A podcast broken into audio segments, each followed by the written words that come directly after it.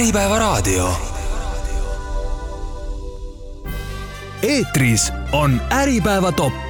Äripäeva topi peatoetaja on KPMG, nõustamisteenuste turuliider Eestis tere päevast, head Äripäeva raadio kuulajad ja tere tulemast kuulama saadet Äripäeva top, mis seekord räägib koolitusettevõtete topist. minuga on topis kümnendaks tulnud Belbin Eesti juht Mats, Mats Soomre. tere päevast! Ja mina olen saatejuht Sigrid Kõiv. Belbin Eesti eelmise aasta müügitulu oli kakssada kakskümmend kolm tuhat eurot ja kasum oli kuuskümmend kuus tuhat eurot. Äh, päris ilus marginaal no jah, eks ole, selle nimel tööd ka tehtud siin juba päris aastaid, et eks ettevõtja ja, ja, ja koolitaja ühes koosseisus ongi, et, et kas või täna, et, et kumb ma olen, kas ma olen ettevõtja või olen koolitaja või olen juht kas oma ettevõttes nagu koolitaja olla on kuidagi parem ja toredam kui näiteks palgatööd koolitajana ühes, vaadates, kui, kui agaralt näiteks tegelevad poliitikud õpetajate palgatõusuga, siis võiks ju õpetaja elukutse ka tore olla. Ehm, kusjuures ma ju käin ka õpetajaks tegelikult lektoriks küll tegelikult, aga küsimuse juurde tulles, et need palgatöötajana ettevõtjana, ise koolitajana, need on nii erinevad asjad, et, et noh, minu loomuses on alati olnud et see, et ma tahan ikkagi teatud asju ise otsustada, ise teha, et et kui juba selliseks õpetamiseks läheb äh, jutt, et siis ma teen päris palju selliseid projekte, kus ma lihtsalt pigistan igasuguste arvete, eelarvete osas silmad kinni, mina otsustan, et ma teen pooltasuta ja keegi ei saa sekkuda.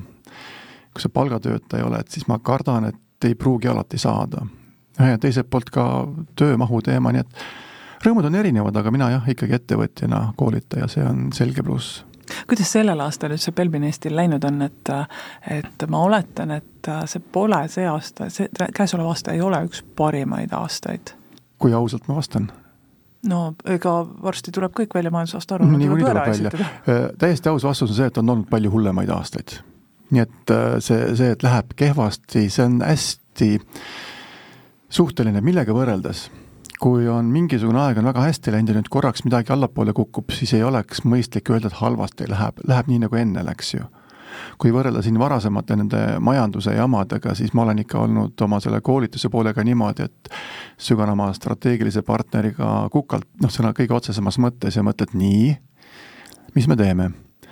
aga siis minu hea, hea sõber Urmas ütles kunagi, võib-olla isegi neli-viis aastat tagasi, et, et tema siis noore ettevõtjana, noore juhina küsis oma äripartnerilt, kuule, et meil on kriis, mis me teeme?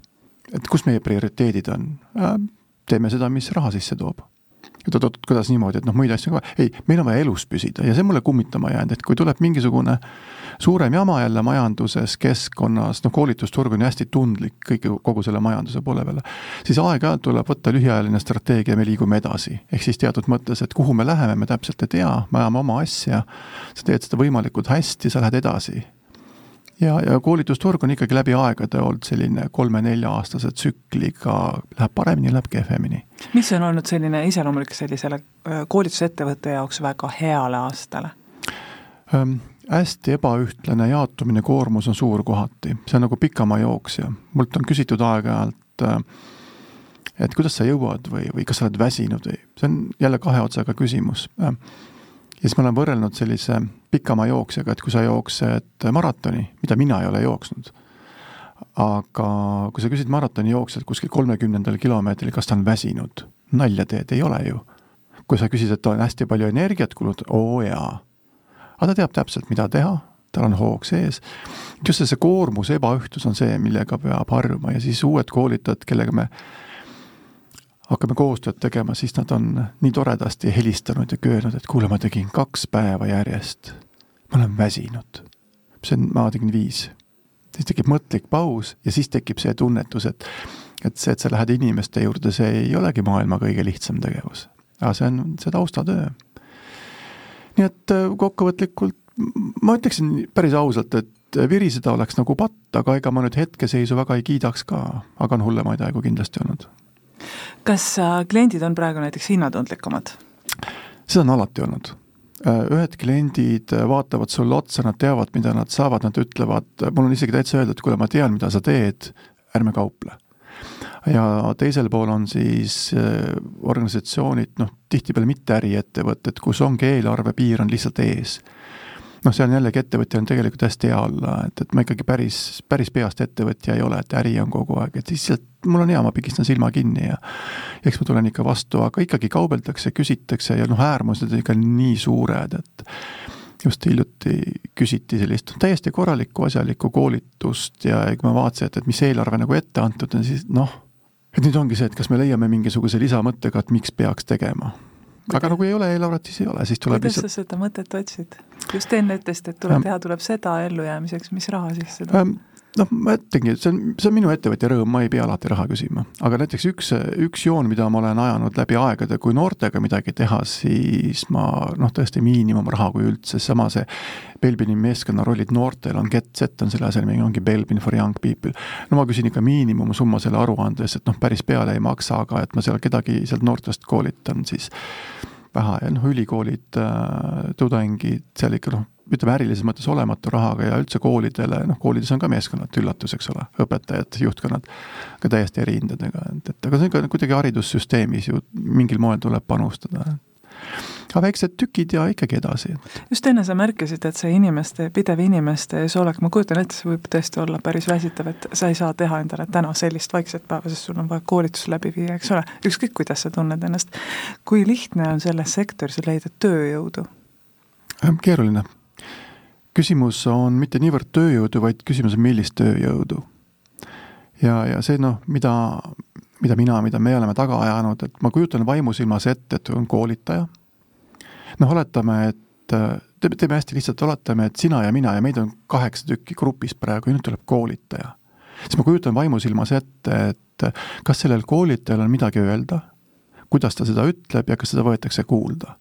ehk sisuliselt me jõuame kogemuse peale me hoiame selgelt seda joont, et inimene, kes tuleb teiste ette, eriti kui me räägime tippjuhtidest, tippmeeskondadest, tuumikmeeskondadest, et kas on teoreetiline baas või on ta ka nii-öelda elus üht-teist läbi teinud kui siin see õnnetu kriis oli, mille nime ma hetkel ei taha kuidagi mainida enam. millist sa mõtled nüüd? no siin on neid mitu juba. just nimelt sellepärast siis, ma küsingi, millist sa mõtled. no alustame viirusest. siis, kui see pauk ära tuli, neljapäeva õhtul tuli otsus, ma tegin koolituse ja oli tipphooaeg.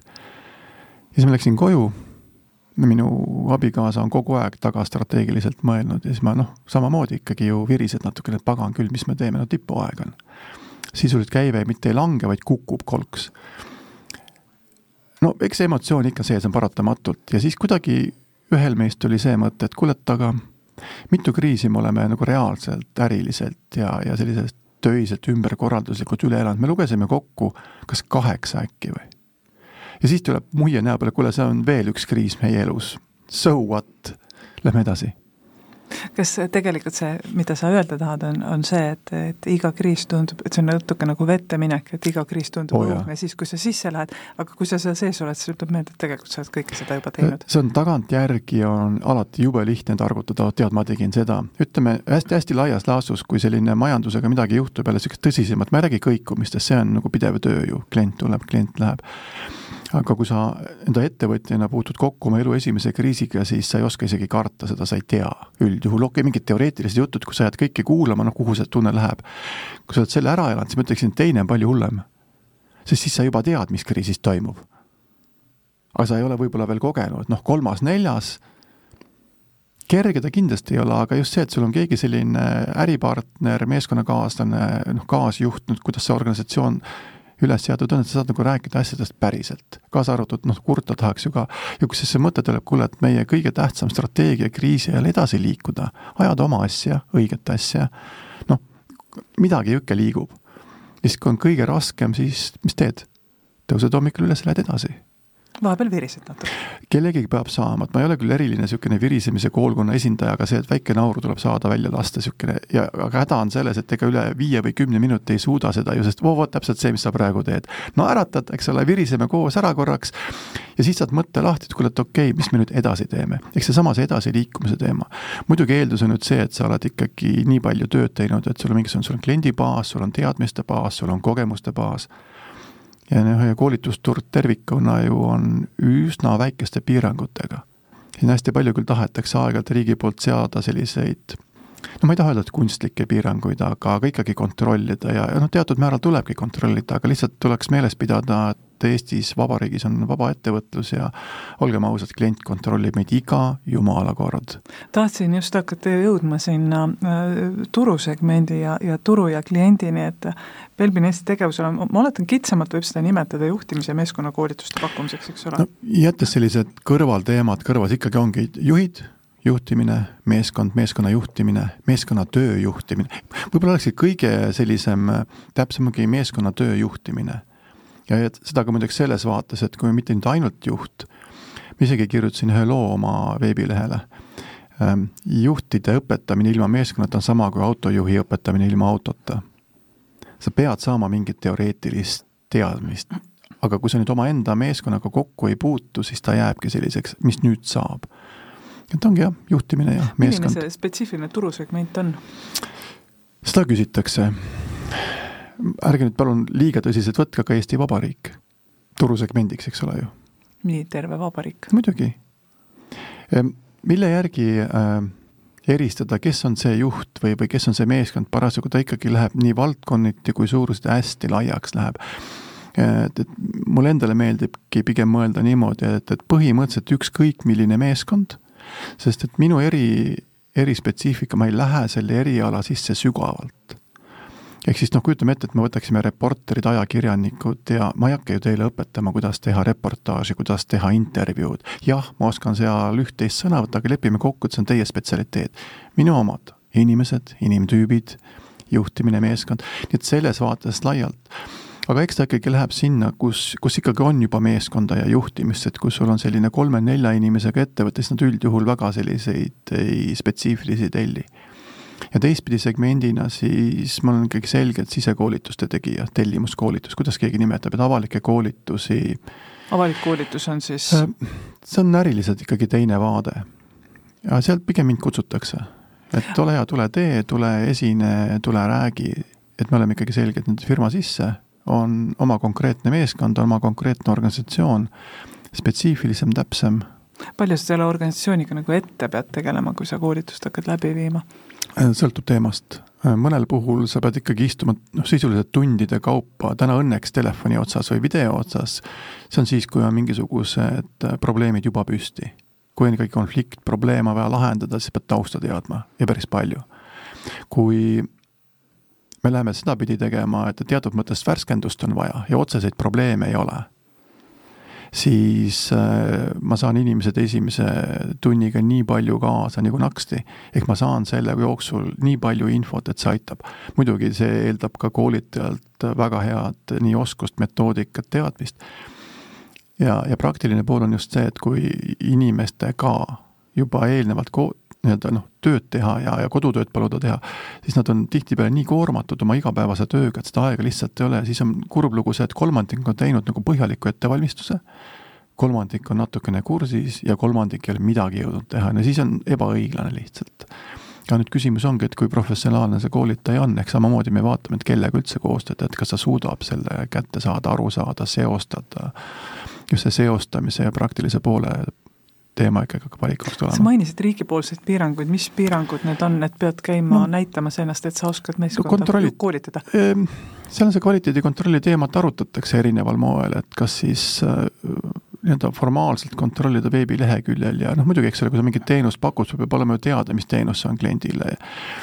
et, et mul ongi raske öelda, et kus kohas see piir täpselt on, mingi elementaarne kontroll, aga pigem on nagu see teema, et, et need, kes seadust järgivad, siis nendega on ju okei okay tegelikult, sest jällegi klient ju kontrollib tegelikult kogu aeg, aga on paraku neid pisikesi, kas siis üksiktegijaid firmasid, kes noh, eiravad igasuguseid seadusest tulenevaid asju ja siis nende tõttu hakatakse ka kontrollima, aga see laieneb kohe kõikidele automaatselt, aga see on suurem ühiskonna teema juba, et et liigne kontroll ikkagi ei ole mõistlik, et pigem peaks nende üksikute juhtumitega tegema räägime äh, natuke sellest, et kui tihti sa kohtad selliseid organisatsioone äh, oma sellistes koolitus, klienti, koolitusklientide hulgas, et sa mõt-, kuulad seda juhti ja mõtled, mamma mia, kust te siiani olite? kui, kui sügavad need probleemid koolitaja pilgu läbi ettevõttes võivad olla? no ikkagi on aeg-ajalt. aga see mamma mia tuleb pigem see, et ahah, et niimoodi seekord, okei okay et selliseid üllatusi ikkagi tuleb aeg-ajalt, need tulevad ääretult erinevate nurkade, kusjuures ka väga positiivselt tulevad, kus no ikkagi aeg-ajalt juhtub ka niimoodi, et eh, noh, Telja siis eh, räägib minuga, ta siis noh, räägib, et see probleem ja too probleem ja, ja et noh, meil on ikkagi vaja, lähed kohale. tegelikult ei ole mastaapseid probleeme. no muidugi on igal pool on midagi, eks ole. ja aeg-ajalt on ka vastupidi olnud, kus ikkagi sisuliselt tuleb tunnistada, et ähm, ega ei olegi suurt midagi teha kus on juba noh, sügavamad teemad on sees, et see üks ja ühekordne koolitus ju no ei aita, no ei aita. teiste mure, muredest on alati nii mõnus rääkida, et mis see hästi tüüpiline probleem on sinu hinnangul, mis tavaliselt ettevõtetes vastu vaatab? noh, anna mulle tunnike, ma loen kõik ette. no kõike pole vaja, räägi mõned tüüpilised äh, mul on selline üks noh, paarkümmend sellist erinevat katset, huvitav, kas ma võiksin teha ka sinuga ja kuulajatega väikse kiire katse? no proovime. oled sa skeptiline inimene? ma usun küll, jah. kas skeptilisus kui selline on pigem positiivne ja kasulik või pigem negatiivne ja pole vajalik? ma arvan, et no nüüd ma ilmselt vastan nii, nagu kõik inimesed vastavad, et, et skeptilisus mingi maani on ilmselt nagu vajalik ja kasulik, aga see harva on positiivne tere tulemast minu maailma. Skeptilisus on positiivne, punkt, kõik. aga seda ei usutub. nüüd küsimus on tõlgendamises, mõistes, suhtumises ja aetakse segamini skeptilisus ja pessimist. pessimist on emotsionaalselt vastu, enne kui ta infot saab, info teda ei muuda, faktid teda ei häiri, ta on vastu emotsionaalselt eelarvamuslik. mida skeptik teeb? ta on teatud mõttes sarnane, ta ei ole ju kohe sinuga nõus, aga ta ei ole vastu.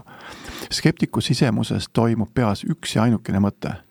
ei, ma ei ole vastu, aga ma tahan enne aru saada, enne kui ma edasi liigun. andke mulle infot, fakte, las ma mõtlen. mina ütlen, see on väga positiivne. küsimus ongi tajumises.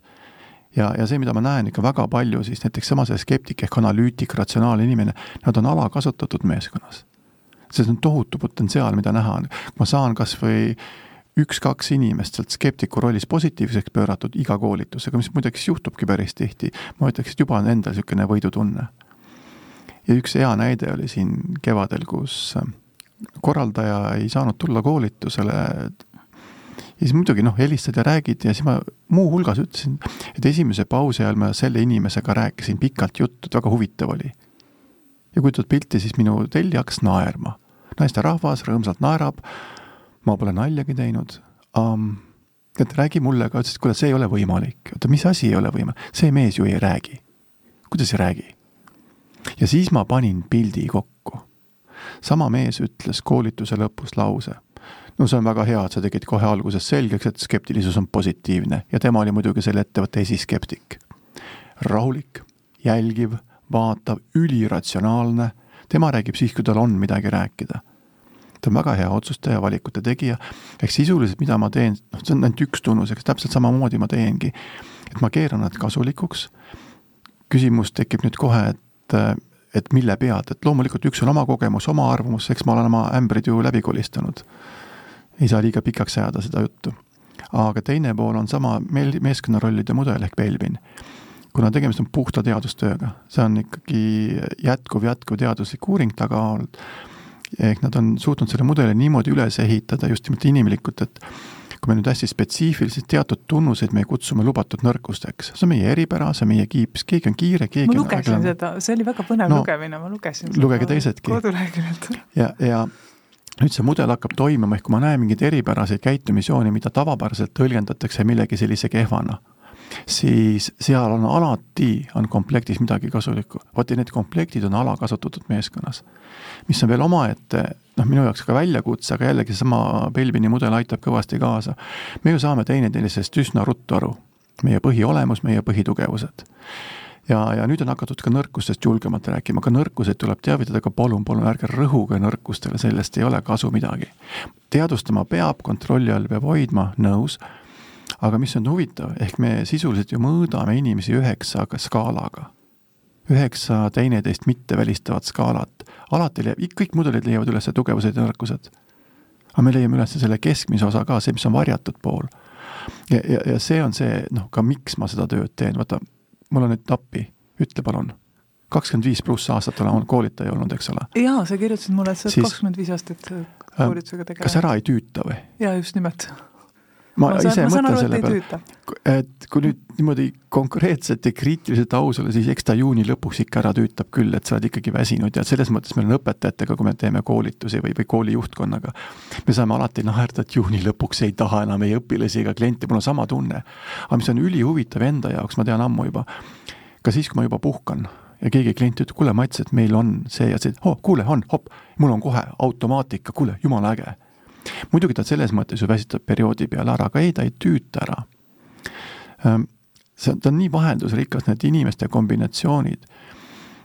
Neid on, neid on ikka hästi palju, aga siis, siis ja ainult siis, kui me näeme sinna ikka sissepoole ka, et mis on veel. ja, ja see, mis on veel, vot seda nüüd hakkad sealt vaikselt välja tooma. kohati on see mugav, kohati, olgem ausad, see on ka väga ebamugav. ehk endast rääkida.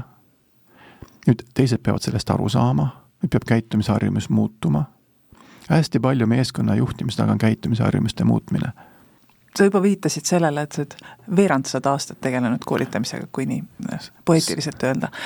kas see koolitusturg sellisena, milline, milliseks ta on muutunud, kas see, sa ju kujutasid midagi ette, kui sa koolitajana alustasid, kas see on muutunud niimoodi, nagu sa ette kujutasid või on olnud see muutus hoopis teistsugune? sa oskad väga hästi küsida ma pean tunnistama, ega ma nüüd väga täpselt ei mäleta, mida ma ette kujutasin, kui pikalt. sest kui ma alustasin, see oli rohkem see, mul oli valdkonna muutus oli nii tugev, ma olin, ma olin IT-s, ma olin olnud tegevjuht, ma olin grupi peale siis vahelduseks äh, müügiturundusjuht ja siis ma tulin IT-st ära, läksin koolitajaks, ehk siis esimesed kolm aastat ma pakun umbes, oli ikkagi selline asi, et see oli nii uus valdkond, et sõbrad ka imestasid. ja mu hea sõber ütles nii toredasti mulle ükskord, et äh, enne kui ma koolitaks hakkasin, et lolliks läinud. aga tema on see sõber, keda tasub kuulata nagu päriselt, ka ta oskab sulle niimoodi otse välja öelda, aga me rääkisime, rääkisime, rääkisime ja lõpuks, kuule, muidugi mine, see sobib sulle. ja, ja siis pigem see alguse poole peale, see ei olnud see, et sa vaatad turgu, sa vaatad tööd, sa vaatad klienti, sa vaatad enda kompetentsi, juhina töötamine on üks, aga see, et teistel edasi anda, see on ju teine. aga hiljem küll, mis on muutunud muidugi, on see, et, et et äh, kogu selle koolituse sisu ja olemus ja vorm on ikkagi hästi palju muutunud, seda ma nagu väga palju isegi ette ei ennusta, et kui noh, päris alguse poole peal, kui ajaloost rääkima, siis oli hästi selgelt hästi struktuurne, hästi teemapõhine. Mm,, väga paljud kasutasid seal slaide, mida kõik, eks ole, noh endal oli struktuur ees. Ja seda tehakse ju tänagi. Ja, ja väga palju oli selliseid kahepäevaseid koolitusi, mitmepäevaseid, isegi ma olen teinud vanast ajast ju kolmepäevaseid juhtimiskoolitusi täna on pigem äh, aega vähem, pigem ühepäevased. sa pead pressima hästi palju teemat suhteliselt lühikese aja sisse. noh, loota, et sealt suured muutused kohe tulevad, pigem mitte. aga, aga mis on väga positiivne, on jällegi, et ikkagi aastatega on hästi palju mõtlema hakatud, et inimesi peab jätkuvalt koolitama, et see, see elukestev õpe, kui mõiste nagu sisulisemaks minnes, siis loota, et ma nüüd kunagi õppisin ja, ja sain asjad selgeks ma olen sporti näitena kasutanud, et äh, kui võrkpalli naiskond jõuab Euroopa meistrivõistluste finaali, ka siis treener ütleb neile, noh, tüdrukud, tublid, aitab, rohkem pole vaja teha. no see oleks ennekuulmatu ju, ükskõik mis spordiala me ei võta. ja, ja eks see on sama selle koolituse ja inimese ja juhtimisega, et midagi tuleb, midagi kaob, mingid seosed on, et sa pead ikkagi suhteliselt terav olema kogu aeg millised need koolitusettevõtja kõige ootamatuvad väljakutsed sinu jaoks on olnud? kõige lihtsam väljakutse on see, et vabanda, aga lükkame edasi. miks nii? no mis ma teen nüüd siis? jõuga kohale kedagi ei tule, helistan kliendile järgmised, tere, et mul järgmise nädala koolitus lükkus edasi, et tulge koolituma, no see on tühi auk on tegelikult, teed midagi muud selle asemel aga tõsisemalt rääkides, eks see väljakutse ongi, kui sul on äh, grupis äh, kui me räägime tuumikmeeskonnast nüüd ja ongi seal hästi palju keskastme juhte ja tippjuhid, teinekord on tippjuhtide meeskond, siis eks nad ju vaatavad mind, kui veel üks koolitaja tuli, ehk siis viimase paarikümne aasta jooksul inimesi koolitada saanud no ikka väga palju. nüüd enesekriitiliselt, miks ta üldse peaks mind kuulama mida sul öelda veel on, eks ju. mida uut sul öelda on.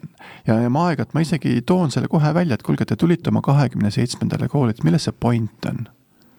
noh, konkreetne ilus vastus, eks midagi uut ja midagi kasulikku, mis on ju põhimõtteliselt äh, tõene. siis me hakkame otsast harutama neid asju. aga ma olen nüüd seda tüüpi koolitajana, kes noh, ma, ma teatud mõttes ikkagi, ma, ühesõnaga, ma ei jäta inimesi päris rahule. Ma küsin, ma toon näiteid, ma tahan nende vastuseid, jah, eksitakse, räägitakse õigust, ehk saad ajud tööle ja nüüd hakkame kombineerima, ehk siis äh, nende enda kogemust ma ei taha nüüd ümber lükata, et sealt ei ole see päris, oh mamma mia, mida nad teevad. et see ongi see, et oo, nii saab ka teha, kas ta on kõige õigem või mitte, ma küll kipun mõttes mõtlema, et see ei ole õige, aga, aga reaalsus on see, et ma ei tea. sest on erinevad lähtekohad, erinevad põhimõtted. Ja siis ma olen sunnitud, ma räägin hea meelega, et olge, et vaadake nüüd, see, mida mina räägin, siis pange see enda kõrvale, muidugi mul on hea meel, kui minu räägitu läheb käiku, mis siin salata. aga pigem ma tunnen rõõmu sellest, kui seal kaks-kolm inimest istuvad kokku, kuule, aga mäletad, Mats rääkis seda kuule, aga meil on nii, ja panevad kokku ja nüüd ehitavad ise omaenda kogemuse ja minu kogemuse ja teadmise pealt kokku midagi uut.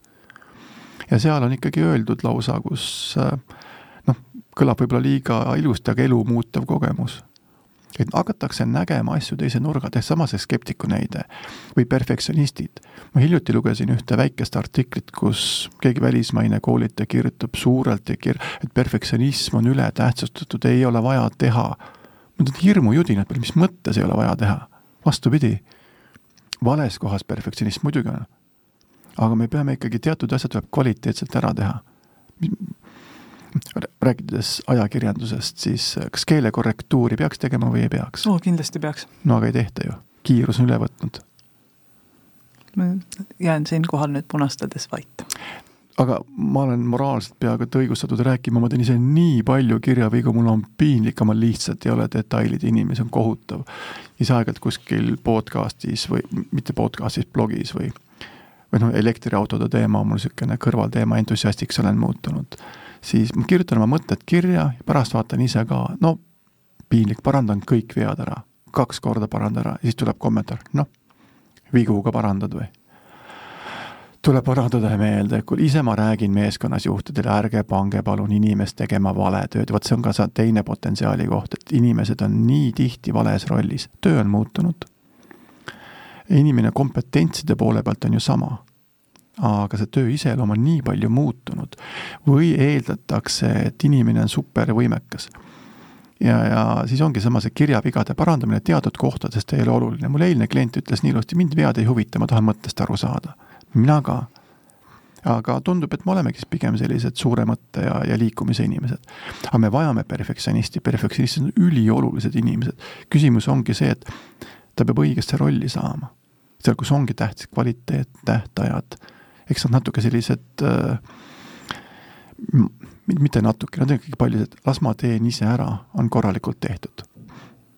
aga nüüd küsimus veel, mis, eks siis tulebki kolmas asi, eks ole, et, et mis on sellised äh, nii-öelda kasutamata ressurss, nimetame kas või probleemideks, kasutamata ressurss kõlab paremini.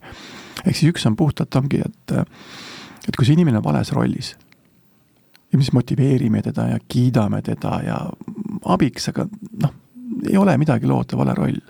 Eks sama minu puhul, kui ma pean ikka nokitsema liiga kaua seal kuskil arvuti taga mingeid detaile, siis noh, eile ma iseenda peale vihatsesin, no miks ma teen seda, aga noh, tahan, meeldin, vaja ka, aga see oli niisugune pisikene lõik lihtsalt. Ja siis mõtlesin, et noh, täpselt see ongi, et kui sa arvestad ikkagi nõrkustega, siis arvesta ja ära looda inimeselt seda, mida ta niikuinii ei tee.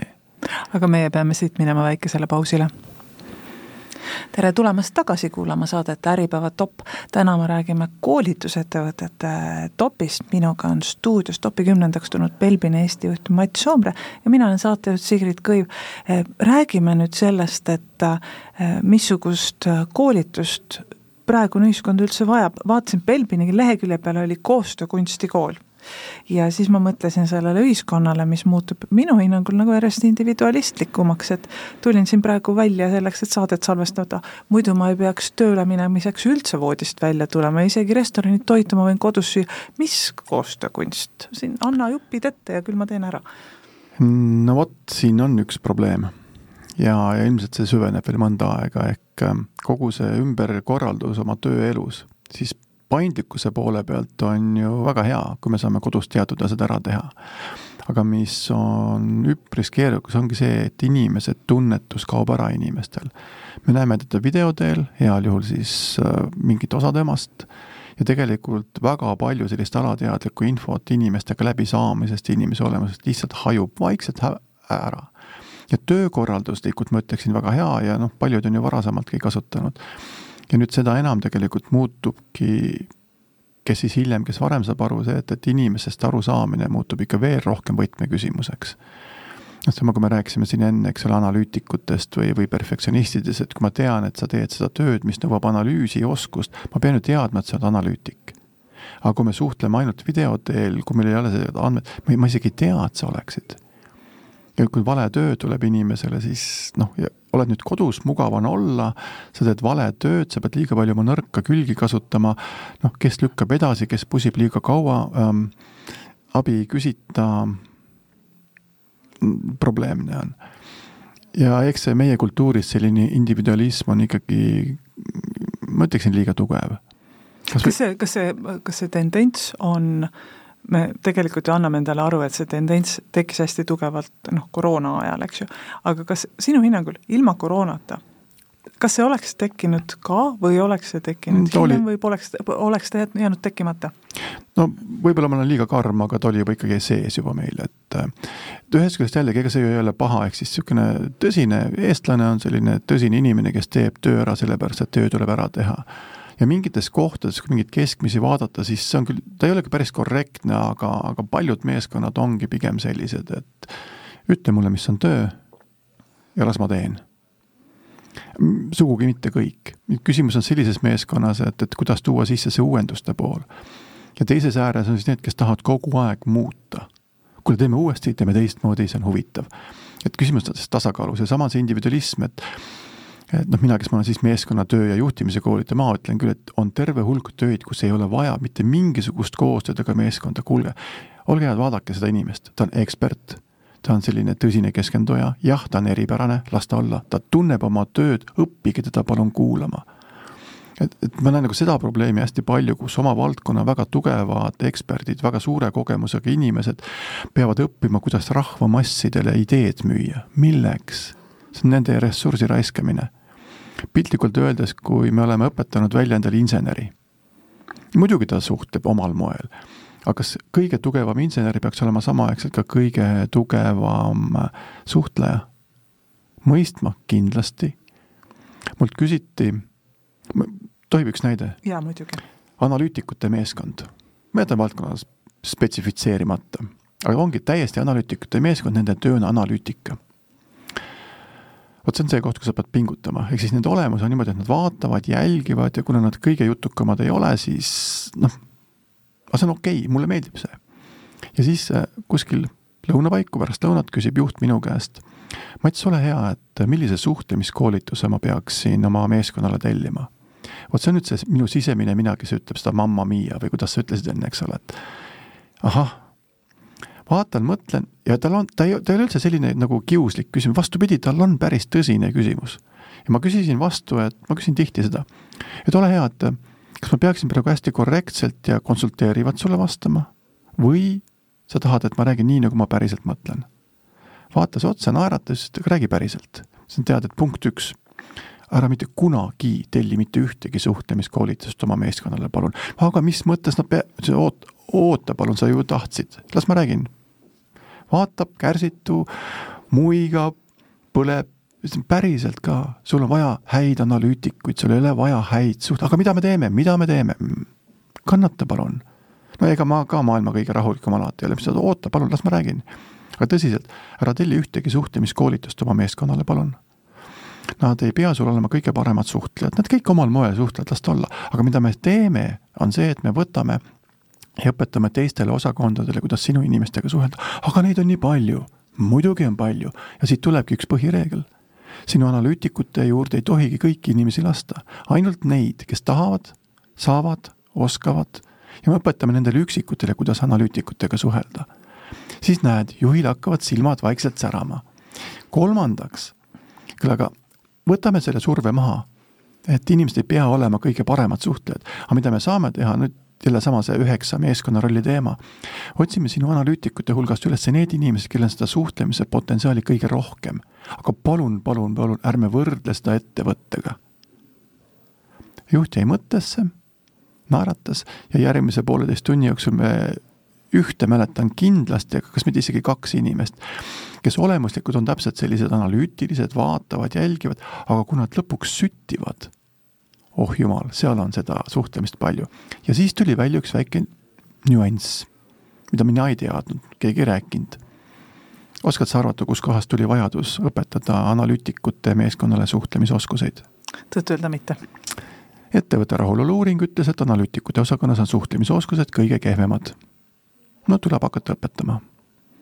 mul on tõesti kuklas hirm, et, et miks me teeme seda. See ei tähenda ju seda, et me peaksime suhtlemist eirama, ei sugugi mitte, aga analüütiku stiil on ehe. või sarnane näide, kus öeldakse, et inimesed on kinnisemad ja introvertsemad ja mina vaatan inimestele otsa, vaatan, oo kuule, sa oled väga jutukas inimene. sa oled väga hea suhtleja. naeratab, sa ju tead, et ma ei ole. oot-oot, täpsustame ma tean, et sa oled väga hea suhtleja, punkt. Kui sa juba räägid, sa oled huvitav, ma olen näinud seda, ma olen ise näinud seda. ma olen nõus väitega, et sind suhtlema saada on pagana keeruline, aeganõudev ja pingutust nõudev. aga sa oled hea. ja kuhu me jõuame jällegi sama, et miks ma seda oma tööd teen meil on meeskondades nii palju inimesi, kes oleksid valmis sinuga rääkima, jagama oma kogemust. aga nad on natukene eripärasemad, nad on sügavamate teadmistega, nad on spetsiifilisemad. me ei anna võimalustki kakskümmend viis aastat koolitajana, ütle mulle, kuidas sa tajud, kuivõrd näiteks mingid moed mõjutavad seda koolitusturgu või seda, mida kliendid küsivad. et noh, mina näiteks olen praegu tähele pannud, et iga teine inimene õpib coach'iks. noh, võib-olla isegi kümnest kuus juba coaching on olnud läbi aegade üks meetod paljudest ja, ja kindlasti teatud stiilid ja koolkonnad mängivad kaasa ja ma ütleks niimoodi, et kui nüüd juhina inimene ei oska coaching'u teatud komponente kasutada, siis on natukene keerukas. teistpidi on ka, ega siis coaching oli ainukene meetod. ehk ta on ikkagi üks ma, ma tõin osa. selle, selle lihtsalt näiteks, et kuidas aga, kuidas... aga mõeldaksegi, siis nüüd, kui see on ületurundatud, üle, üle nii-öelda paisutatud, siis ta läheb kaldu natuke ja neid trende on olnud väga-väga palju. ja siis aeg-ajalt on huvitav jälgida, noh vot samas nüüd hakkab see, see minu vanus ja kogemus mängima, tuleb mingisugune uus innovaatiline teema, vaatan pealkirja, ongi midagi, oot, aga mis asi see on? noh, lähed veebi, ouch ma tegin seda aastal kaks tuhat. Nad tulevad ringiga tagasi, aga jällegi, kui tuleb midagi uut ja see, noh, ta tulekski natukene võimendada, natukene kasutada, aga, aga kuhu ma tahan nüüd jõuda, on see, et, et seda ei peaks võtma nii, et kõik peavad seda tegema. Ja see on nüüd ainukene, pigem see on veel üks võimalus, mida me saame teha ja vaadata, mida siis äh, selles konkreetses meeskonnas või ühiseks klapp peab klappima. ega siis coaching uga ei saa ju kõiki probleeme lahendada, nii nagu teiste võtetega ei saa kõiki ütle mulle, kui Eesti ettevõtetes on selline pidev krooniline tööjõupuudus, ma arvan, seda võib juba tegelikult niimoodi nimetada, noh, kogu aeg on inimesi puudu, kogu aeg on, pole kedagi võtta. Koolitajana, kui palju sa näed, et tegelikult äh, see probleem oleks väiksem, kui inimesed lihtsalt oskaksid suhelda omavahel? parem kindlasti. see on vastastikune. meil kipub olema kombeks, et sina pead oskama paremini suhelda mitte, mitte sina, eks ju. tegelikult oleks vaja natuke teistpidi pöörata, et et kuule, et aita mul palun endast aru saada, ma tahan õppida sinuga suhtlema, mis on sinu eripärad. muidugi läheks paremaks. Ja kohe kõvasti läheks paremaks. üks on ülihea näide, kuidas on suhtlemine ja koostöö on muutnud meeskonna üliedukaks, on meie tudengite päikeseautoprojekt Solaride, kui sa kursis oled. Austraalias maailmameistrivõistlused päikeseautod, nad võtsid kolmanda koha esimest korda üldse Eestist keegi oli seal kolmanda koha peal ja nad said oma auto eest, said põhimõtteliselt insenerliku perfektsuse eriauhinna. Nad panid dokumentidesse kirja selle, mida nad teevad, nad tegidki täpselt seda, mida nad tegid, ehk see auto oli ideaalne selles vaates. no ja maailmas number kolm olla. kus on seal konks? Äh, tegevjuht Kristel Leif, täna on küll seal Asso nüüd siis Kristel ütles niimoodi, et kuulge, see ei ole meeste-naiste vastuolu, see on valdkondade vastuolu, vaadake palun teise pilguga. traditsiooniliselt on poisid insenerid ja tüdrukud pehmete erialade peal. meil, meil on väga palju tüdrukuid, kes on ülihead insenerid ja väga palju poisse, kes ülihead, kas siis turundajad, kommunikeerijad, et nad on ära miksinud selle. Ja ongi üks suur töö, mida nad tegid, üks on siis inseneeria propageerimine kui selline, et inseneeria ongi huvitav, ta ongi huvitav, noh. Aga tihti on neist raske aru saada, nüüd kui see turundaja tuleb inseneri juurde, siis see vaene insener hädas, mida sa tahad must saada. ja, ja vastupidi aga mida nad teevad, ongi see, et õpid teineteise valdkonna tundma, õpid eripärasid tundma, õpid inimeste eripärasid tundma ja need suhtluskanalid toimivad. aga selle tulemusena noh, tiim kui selline, Solaredis kaasa arvatud, suurepärane, no mis siin salata, ma olen kursis teemaga, kuna ma olen seal mentoriks olnud ja nendega nagu hästi huvitav töötada, et samamoodi vaatavad, kas me saame nüüd need selle inseneri poole käima. ja see suhtlus, teineteise mõistmine, ikkagi hüppeliselt parem ja see mõjutab väga palju aga meie peame siit tänaseks lõpetama. minuga oli stuudios Belvin Eesti juht Mats Soomre, mina olen saatejuht Sigrid Kõiv ja me kuuleme jälle nädala pärast. eetris on Äripäeva top. äripäeva topi peatoetaja on KPMG, nõustamisteenuste turuliider Eestis